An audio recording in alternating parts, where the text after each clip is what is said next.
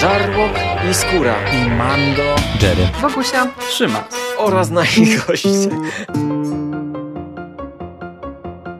Konglomerat podcastowy. wasze ulubione podcasty w jednym miejscu. zapraszamy. Zapraszamy. Zapraszamy. zapraszamy. Zapraszamy.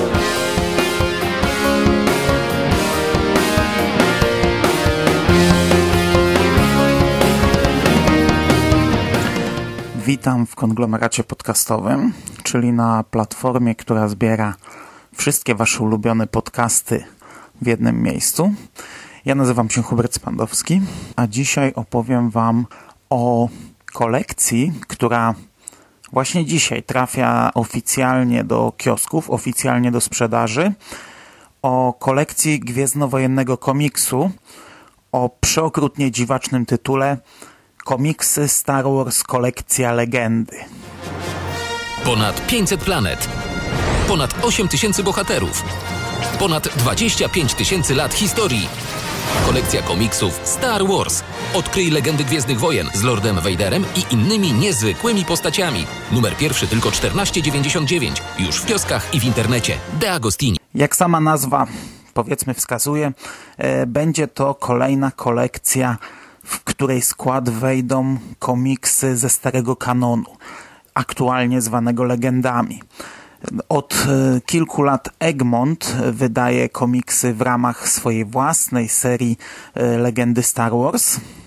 No teraz będzie miał e, drobną konkurencję w postaci serii od De Agostini ta nowa kolekcja, no poza kretyńskim tytułem, e, wygląda też koszmarnie. To trzeba od razu na samym starcie zaznaczyć. Te okładki są przeokrutnie brzydkie. Tak naprawdę ja czekałem na start kioskowej kolekcji komiksów gwiezdnowojennych od jakichś dwóch lat. Dwa lata temu zobaczyłem reklamę e, również de Agostini francuskiej kolekcji e, innej, bo tak naprawdę na świecie wydawane są dwie kolekcje gwiezdnowojenne. Ta francuska ma fronty okładek bardzo podobne do wielkiej kolekcji komiksów Marvela i grzbiet również na podobnej zasadzie z taką grafiką, z bardzo dużą liczbą postaci ze starego rozszerzonego uniwersum. Przy czym, bo zacząłem od minusów, zacząłem od wyglądu, ale już teraz powiem, że e, wybór tej konkretnej kolekcji, którą u nas wydaje De Agostini, moim zdaniem był wyborem lepszym, pomimo tego, że ona wygląda naprawdę paskudnie. No, zaczynając od frontu, czyli od tego tytułu, który kurczę wygląda tak źle. Tutaj mamy raz, dwa, trzy, cztery, pięć czcionek w sumie, yy, wyśrodkowanych w różny sposób i to jest taka kanapka, taki łamaniec. Komiksy jedną czcionką, Star Wars drugą, kolekcja znów czcionka numer jeden, legendy czcionka numer trzy i tytuł tomu, w tym przypadku klasyczne opowieści jeden, czcionka numer cztery. To tak również wyglądało w oryginale, ale no to wcale nie znaczy, że, że, że nagle to będzie lepsze, nie? E, dodatkowo mamy taki tandetny miecz czerwony Vadera e, na, w narożniku górnym prawym oraz e, ilustracje wycięte z kadrów, e, wklejone w czarne tło. W tym przypadku jest to szturmowiec, a dokładniej Han Solo w stroju szturmowca. Przy czym tu od razu chciałbym powiedzieć, że ten front komiksów, ich wygląd, to jest tak naprawdę jedyny poważny minus tej kolekcji. Grzbiety bardzo mi się podobają, są dość delikatne. Również jest ilustracja przechodząca przez cały grzbiet, za czym ja nie przepadam, ale ta ilustracja jest dość delikatna. Na każdym grzbiecie mamy tytuł napisany danego komiksu, także no, ja nie jestem e, fanatykiem kupowania dla grzbietu, sklejania całej kolekcji po to, żeby był grzbiet i najprawdopodobniej ja będę robił selekcję, ale tutaj to aż tak nie razi, jak w przypadku na przykład właśnie tej drugiej kolekcji gwiezdnowojennej, czy kolekcji superbohaterskich, jakie wydawane są w Polsce. A poza tym tutaj ma, będziemy mieli e, serie wydawane blokami, o czym za chwilę powiem więcej.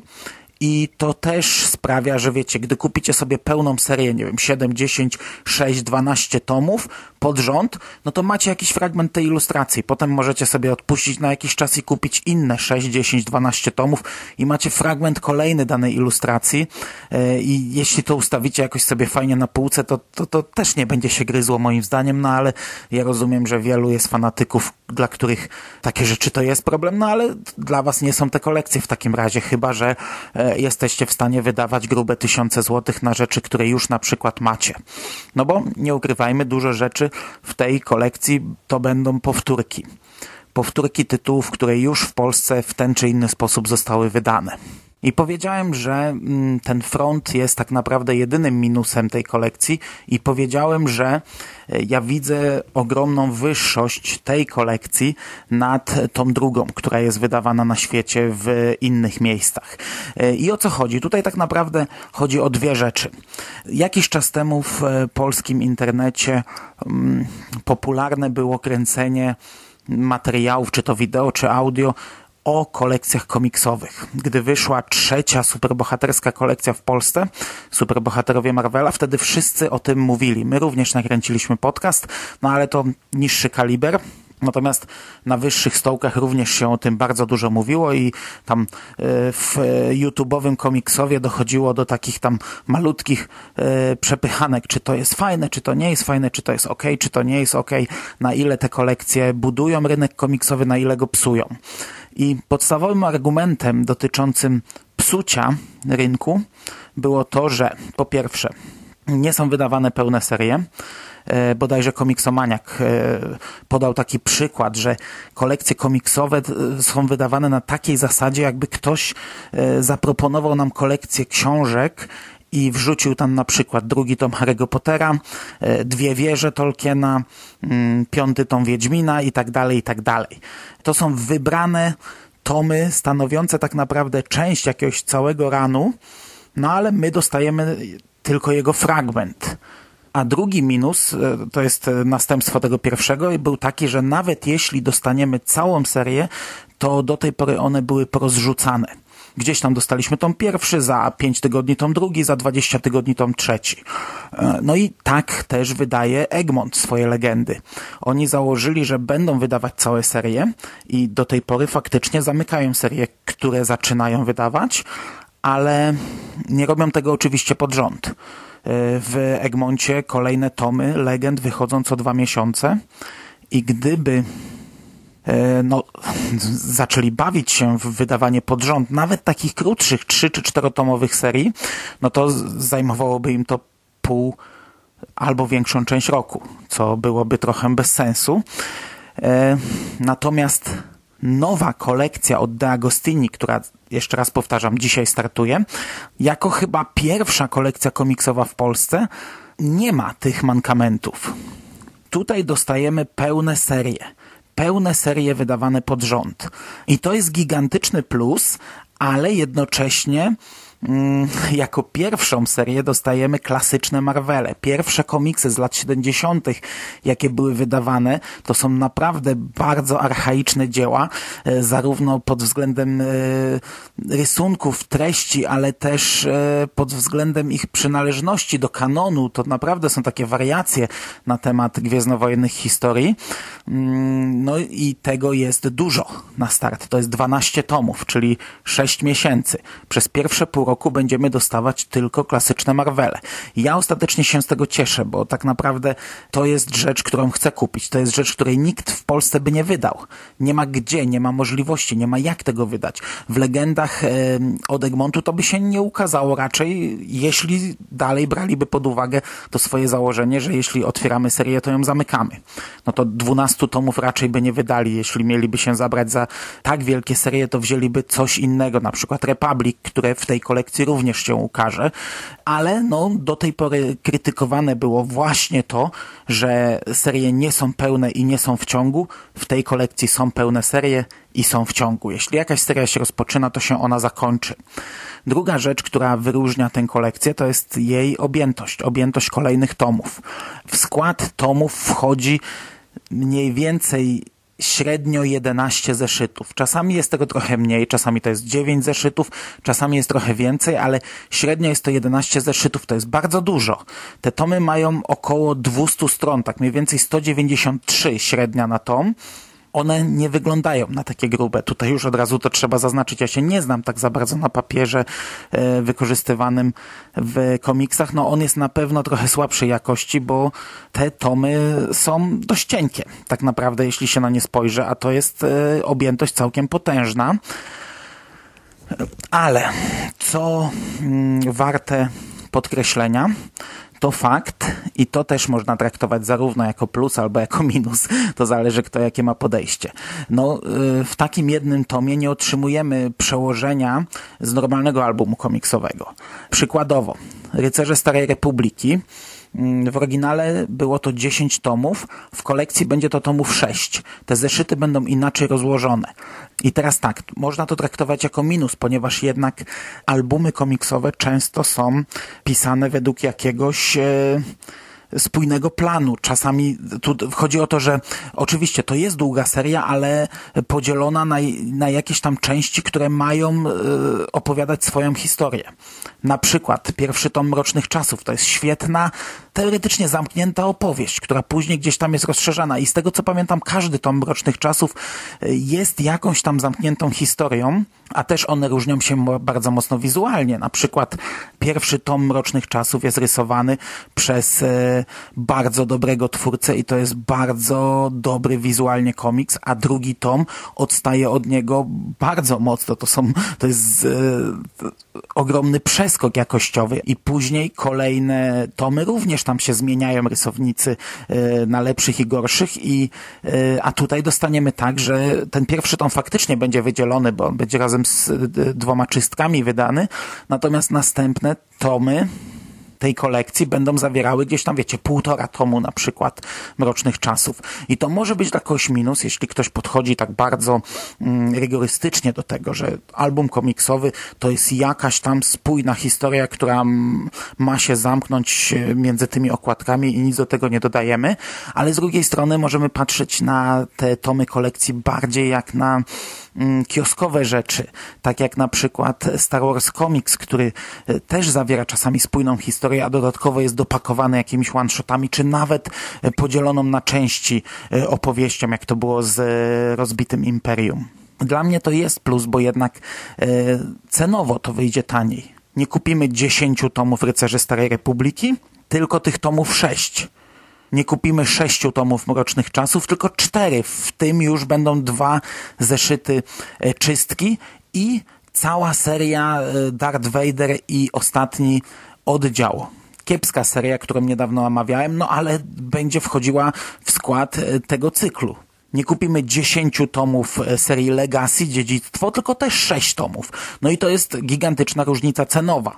A dodatkowo akurat te komiksy, czyli Rycerze Starej Republiki, Mroczne Czasy, Dziedzictwo i Vektor, który był crossoverem tych serii, w Polsce były wydawane w pomniejszonym formacie, w miękkiej oprawie i w małym formacie. I ja osobiście zastanawiam się, czy nie opchnąć gdzieś tam tych komiksów, e, a nie kupować jednak tego e, w ramach kolekcji, bo dostanę komiksy w dużym formacie, w sztywnej oprawie i za niższą cenę.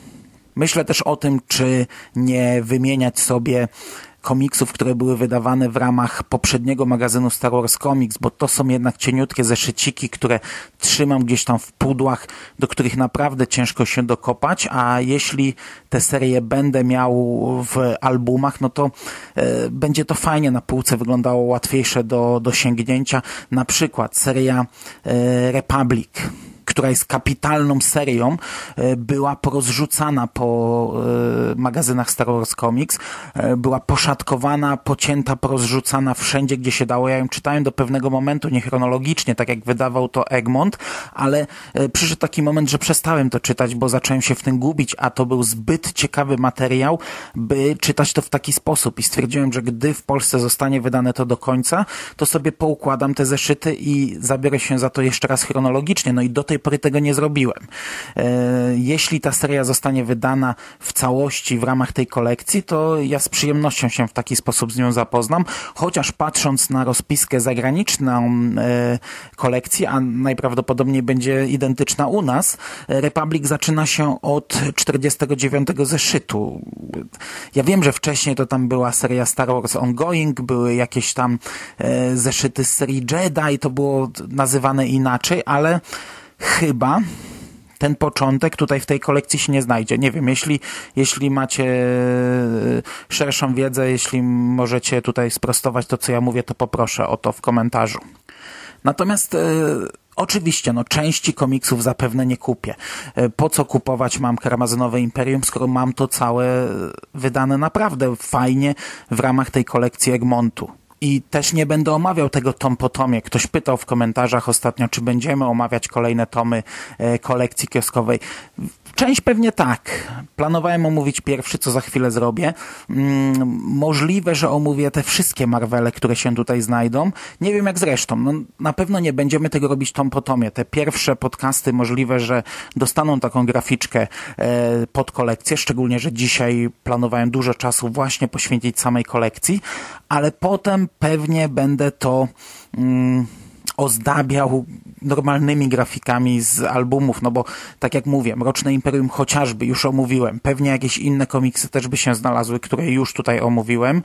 E, nie wiem, co zrobię z takimi komiksami, które już są zapowiedziane gdzieś tam przez Egmont, a również ukażą się w ramach tej kolekcji e, pewnie kto pierwszy, ten lepszy, bo na przykład od lat czekam na wydanie Inwazji. E, trzy czy czterotomowej serii o inwazji Zanwongów i ona ukaże się w całości w ramach tej kolekcji, ale to będą tomy 47 i 48. Nie wiem, czy Egmont nie zrobi tego szybciej. Okej. Okay. Na sam początek mamy te 12 klasycznych Marveli. Ja się bardzo cieszę, że to zostało wydane w Polsce. Znaczy zostanie. Na razie wyszły cztery w ramach rzutu testowego i dla prenumeratów. Ja byłem jednym z nich. Tutaj wielkie dzięki dla D'Agostini, chociaż mieli gigantyczne opóźnienia i ciężko było się z nimi skontaktować, to jednak te cztery numery wysłali ostatecznie za darmo dla prenumeratów. 12 pierwszych tomów to będzie 107 zeszytów klasycznych Marveli plus trzy anuale, czyli całkiem pokaźna dawka. Tutaj wchodzą w skład tych Marveli zarówno adaptacje trzech e, pierwszych filmów, jak i pierwsze próby budowania rozszerzonego uniwersum. I tak właśnie w skład pierwszego tomu wchodzi 11 zeszytów, z czego sześć pierwszych to jest adaptacja czwartego epizodu, czyli Nowej Nadziei, wtedy jeszcze filmu pod tytułem Star Wars, a pięć kolejnych to są e, właśnie pierwsze historie z nowego, wtedy budowanego dopiero aktualnego kanonu, aktualnego Expanded Universe. I tak, po pierwsze, co rzuca się w oczy na sam początek, to fakt, że to jest w sumie, to są w sumie komiksy skierowane do młodego czytelnika. E, ja nie przepadam za klasycznymi komiksami, ale to, co zazwyczaj odrzuca mnie od klasycznych komiksów, to są ogromne bloki tekstu. Narratora, y, dialogów, bardzo dużo tekstu. Tutaj tego nie ma. Tutaj ilość tekstu jest ograniczona naprawdę do minimum, chociaż y, to jest y, pisane w taki sam sposób oczywiście. Narrator zwraca się, mówi do nas w taki sam sposób, często przypomina w kolejnych zeszytach, co było w poprzednich, na zasadzie jakiegoś monologu bohatera, który sobie opowiada, co, co zrobił, albo sam sam narrator skacze nam gdzieś i tutaj jakimiś żarcikami rzuca i, i przechodzi od jednych wydarzeń do drugich, to jest w taki sposób pisane. Mamy jakieś, wiecie, komiczne monologi, na przykład tutaj, gdy Han biegnie za szturmowcami, no to czytamy Juhu, spylajcie w podskokach pancerne pajace. O nie, są w ślepym korytarzu. Nie mają innego wyjścia niż zawrócić i walczyć. Nie jest to najmądrzejsze, co w życiu zrobiłem. Czuj, Kochany czuj, przyszedłeś w samą porę, futrzaku, żeby zawrócić i zmiatać w te pędy. I to jest taki jeden przykład, ale tego jest tutaj mnóstwo. To jest w taki sposób oczywiście pisane. Mamy też same dialogi kretyńskie. No tutaj można by tego przytaczać przykładów naprawdę mnóstwo, ale to się czyta szybko i to się czyta bezboleśnie. Yy, I tutaj właśnie taki paradoks, bo ja mm, nie lubię dwóch rzeczy. Nie lubię komiksów klasycznych, Tutaj mamy komiks klasyczny, czytało się to nieźle i nie lubię adaptacji, adaptacji filmów. Nie przepadam za przenoszeniem e, materiału z filmu do e, komiksu czy książki, a mimo wszystko to jako adaptację bardzo ciekawie mi się czytało z kilku powodów. Najważniejsza rzecz to fakt, że ten komiks ukazał się w lipcu 1977 roku. Pierwszy zeszyt tej serii ukazał się tak naprawdę chwilę po premierze filmu i widać, że to było oparte o jakąś wczesną wersję scenariusza. Tutaj oczywiście mamy całkowitą dowolność w dialogach, mamy te sceny troszeczkę inaczej rozpisane niektóre i, i to wygląda inaczej niż film, ale też mamy takie dosyć duże odstępstwa. Mamy sceny wycięte, jak chociażby te z Bixem Darklighterem, mamy scenę y, z Jabą, która ostatecznie nie znalazła się w Mm, filmie oryginalnym znalazła się trochę później, gdy e, w 97 roku w edycjach specjalnych już potrafili zrobić komputerowego Jabę. W 77 nagrana została scena z aktorem. Ten aktor miał kostium, także bardzo możliwe, że było w planie jakoś tak, mm, że jakaś jedna z wersji zakładała, że ten aktor pojawi się w filmie. Nie wiem tego. Natomiast w komiksie to jest zupełnie inna postać. To jest jakiś e, obcy, dziwny ciężko powiedzieć nawet, e, ciężko go opisać. To jest zupełnie inna postać niż, niż to, co widzieliśmy w filmie. I takich drobiazgów, takich różnic tutaj jest mnóstwo.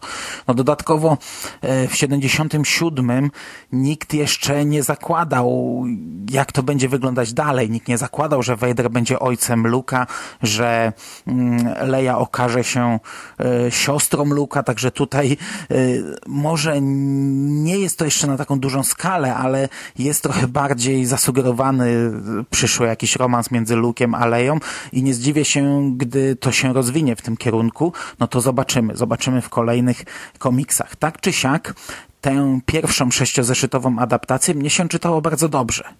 To nie jest komiks, przez który płyniesz, to nie jest komiks, który będzie się czytać hurtem, ale e, na przykład jeśli będziecie sobie to dawkować, powiedzmy po jednym zeszycie dziennie, to naprawdę to jest fajna rozrywka na te 11 dni. Czyli akurat mniej więcej tyle, ile upłynie do kolejnego tomu ponieważ pierwsza połowa kolekcji będzie się ukazywać co dwa tygodnie. Okej, okay, no ale przyszedł koniec adaptacji. Tak na marginesie ta adaptacja e, jest e, w tak kiczowaty trochę sposób e, napisana, ale ona uwypukla tak naprawdę kiczowatość e, starej trylogii. Bo wiecie, my patrzymy na to jak na świętość, my patrzymy e, z nostalgią, a nostalgia to jest taka głupia suka, która wypacza rzeczywistość, ale tak naprawdę ten film z założenia był tanim beklasowym filmem wzorującym się na Flashu Gordonie i kurczę, czytając ten komiks niby śledzimy tę samą historię, ale on uwypukla e, kiczowatość e, oryginalnej trylogii, niestety. Natomiast e, gdy czytałem ten komiks, autentycznie nie mogłem się doczekać, aż doczłapię się do tych pierwszych zeszytów, które kontynuują historię, które rozszerzają to uniwersum. No chciałem zobaczyć, co też takiego w tamtych latach dostawali fani, dostawali czytelnicy. I tutaj muszę powiedzieć, że kurczę, to był wesoły okres. Naprawdę e, fani Gwiezdnych Wojen mieli bardzo wesołe, rozszerzone uniwersum. Dostajemy pięć zeszytów, które składają się na jakąś tam ciągłość fabularną, ale tak naprawdę na kilka historii. E, w pierwszym zeszycie widzimy Hanna Solo, który opuszcza Jawin 4, chce zapłacić Jabie, no wiemy, że zapłacić nie może, bo wiemy, że Jabba nadal ma z tym problem i ostatecznie zamrozi go w karbonicie. No i tutaj właśnie widzimy, jak e, Han Solo zostaje złapany przez piratów, którym dowodzi karmazynowy Jack, e, rudobrody pirat to w ogóle to, to są takie śmieszne kostiumy. Laski są, wiecie, e, roznegliżowane tutaj gdzieś tylko w staniku, w gaciach. Ten karmazynowy Jack też to jest tylko w takich samych slipkach. Gołe nogi, buty pod kolana, e, muskuły. To, to jest w taki sposób rysowane. Większość bohaterów tak wygląda. No i tutaj właśnie nasz Han Solo traci mm, cały skarb, który otrzymał od rebelii za uratowanie księżniczki Lei i muszą się zaszyć gdzieś z czubaką, żeby Jabba ich nie znalazł. Trafiają na pewną planetę, tam y, są świadkami próby pogrzebu Borga. Mamy Borga niczym w Star Treku, y, cyborga, pół człowieka, pół robota i to dokładnie tak jakbyście wzięli w pionie, narysowali kreskę na człowieku przez połowę twarzy i połowę ciała, to, to dokładnie prawa połowa to człowiek, lewa połowa to robot. E, Han Solo wmiesza się w e, tę sytuację, bo tam e, wszyscy mieszkańcy, tutaj mamy taki, taki rasizm trochę, nie chcą pozwolić, żeby pochować Borga tam, gdzie są chowani zwykłe żywe istoty. No i dochodzi do bójki, ale to jest taki wstęp tak naprawdę do wydarzeń, ponieważ potem, gdy Han Solo opisuje pija e, ten zarobek w barze, podchodzą do niego jacyś wieśniacy i okazuje się, że przez następne trzy zeszyty dostajemy gwiezdnowojenną wersję Siedmiu Wspaniałych. Dokładniej nazywa się to Bohaterska Ósemka z Adaby trzeciej, Aduby, nie wiem. I to jest na identycznym pomyśle. Jacyś wieśniacy są nękani przez gang, temu gangowi przewodzi taki bandzior, który nazywa się e, Sergi X Arrogantus, przezywany Arogantem. No i ci wieśniacy proszą tutaj wielkiego bohatera Hanna Solo, e, rozbójnika. Oni już mu od razu mówią, że nie będą w stanie mu niczym zapłacić, dadzą mu nocleg i wyżywienie, są biedni, ale są nękani przez ten gang i proszą go, żeby on im pomógł. On zaczyna werbować drużynę, no i mamy identyczny cały schemat Siedmiu Wspaniałych, e, przy czym ta drużyna jest absurdalnie kretyńska. Absurdalnie. mm kto wchodzi w jej skład? To jest tak. E, wojowniczka, kobieta. Amaiza, to jest jakaś e, przyjaciółka z przeszłości Hanna Solo, roznegliżowana do granic możliwości, podobno dobry strzelec. E, Henji, czyli on jest z rasy spinerów, to jest taki szary wielki kot w zielonym płaszczu, który jak napnie mięśnie, to strzela igłami ze swojego ciała. E, Jax, Jackson, dwumetrowy kosmiczny królik, e, zielony królik, o którym było zawsze głośno i nie wiedziałem, że to już na tym etapie poznamy e, tę postać. E, królik, który tak naprawdę jest zupełnie innej rasy i trochę się oburza, jak nazywa się go królikiem, ponieważ on nie je marchewki, tylko je mięso jest dobrym strzelcem i dobrze walczy. Dodatkowo mm, pojawia się w drużynie ostatni rycerz Jedi, taki szalony dziadek, łysy z długimi siwymi włosami, wąchami podwiniętymi brudką taką szpiczastą, niczym wiecie, z filmu Płaszcza i Szpady i on też tak wygląda. On twierdzi, że jest rycerzem Jedi i jest kurczę ubrany jak rycerz. Ma zbroję, pełną metalową zbroję. Na jednym kadrze e, ma mm, kopię trzyma w, ręku, ale później walczy cały czas mieczem świetlnym, jeździ na bancie, oni wszyscy jeżdżą tutaj na bancie, bo Han Solo zastawił Sokoła Milenium, żeby wypożyczyć banty, no i to jest taki normalny rycerz, jak z filmu e, rycerskiego, historycznego, przy czym on sam twierdzi, że jest rycerzem Jedi i nazywa się, uwaga, uwaga, Don Van Quixotan. tak Panie i panowie, rozszerzone uniwersum roku 1977 Don Van Quixotan. Oprócz tego jest jeszcze taki wieśniak, chłopek, który bardzo chce się wykazać. To też jest odpowiednik bohatera z Siedmiu Wspaniałych i kończy zresztą identycznie jak tamten bohater. Przy czym tutaj on jest rysowany jak Luke. Ma blond włosy, biały strój, czapkę taką jak miał Luke na początku, e, nie pamiętam czy filmu, chyba w wyciętych scenach on miał, on miał tylko, plus takie gogle e, i on ma też swojego droida, takiego dziwacznego, który wygląda jak czołg, jeździ na takich gąsienicach i też ma swoje zdanie i tam ma wiele do powiedzenia. No i tak naprawdę kolejne trzy zeszyty to jest historia siedmiu wspaniałych e, z tymi bohaterami. Gdy już sobie nasi bohaterowie poradzili z tymi oprawcami, to okazuje się, że jeden z szamanów z wioski budzi potwora, który jest zaklęty w skale i to jest taki wielki, gigantyczny dinozaur, który nazywa się Behemoth to jest coś jak Godzilla, on wygląda taki gigantyczny na dwóch łapach potwór smok, który ma płetwę na głowie i z tej płetwy strzela laserami, no i oni przez cały kolejny zeszyt walczą z nim. I tak naprawdę na dziesiątym zeszycie ta historia się kończy. E, dalej mamy niby ciągłość fabularną, ale ostatni zeszyt, który znajduje się w tym albumie, to jest już powrót Hanna Solo na Jawin czwarty i on zostaje znów złapany przez karmazynowego Jacka i tam rozpoczyna się nowa historia. Okazuje się, że Leia jest więziona przez karmazynowego Jacka, bo Leia wcześniej wyruszyła za e, Luke'em Skywalkerem, który wyruszył z Jawina poszukać nowej, e, nowego miejsca na bazę rebeliantów i zaginął gdzieś i ona wyruszyła mu na pomoc. I teraz też dowiadujemy się, gdzie trafił Luke i co się z nim stało.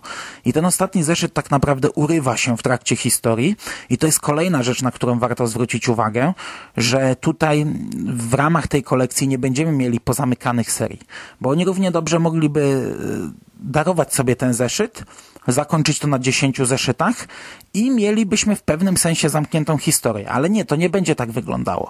Jest pewna objętość do zapełnienia i oni będą ją zapełniać. I my będziemy kończyć dany tom gdzieś tam w trakcie, w środku. Z tego trzeba sobie zdawać sprawę. E, No i to zaakceptować, jeśli będziemy kupować tę kolekcję. Ja od razu powiem, że ten pierwszy tom, e, no, czytało mi się przyjemnie, czytało mi się ok, ale nie wyobrażam sobie czytać teraz 107 tych Marveli pod rząd, a najprawdopodobniej będę to robił i bardzo możliwe, że kolejne tomy też będę tutaj omawiał. Nie wiem, tego jeszcze na 100% zobaczymy, jak to wyjdzie. No, tutaj te pięć tomów z rozszerzonego uniwersum było naprawdę e, kiepskich, absurdalnych, kretyńskich i troszkę męczących, chociaż tak jak powiedziałem i tak czyta się to lekko jak na klasyczne komiksy.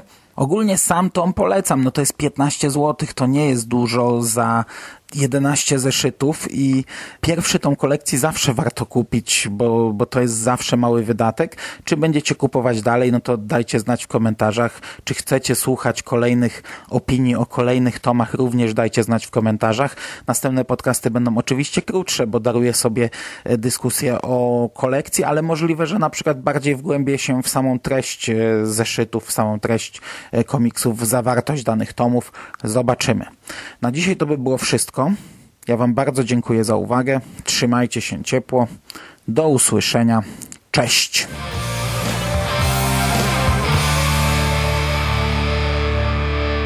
You finished? That's it, man. Game over, man. It's game over. What the fuck are we gonna do now? What are we gonna do?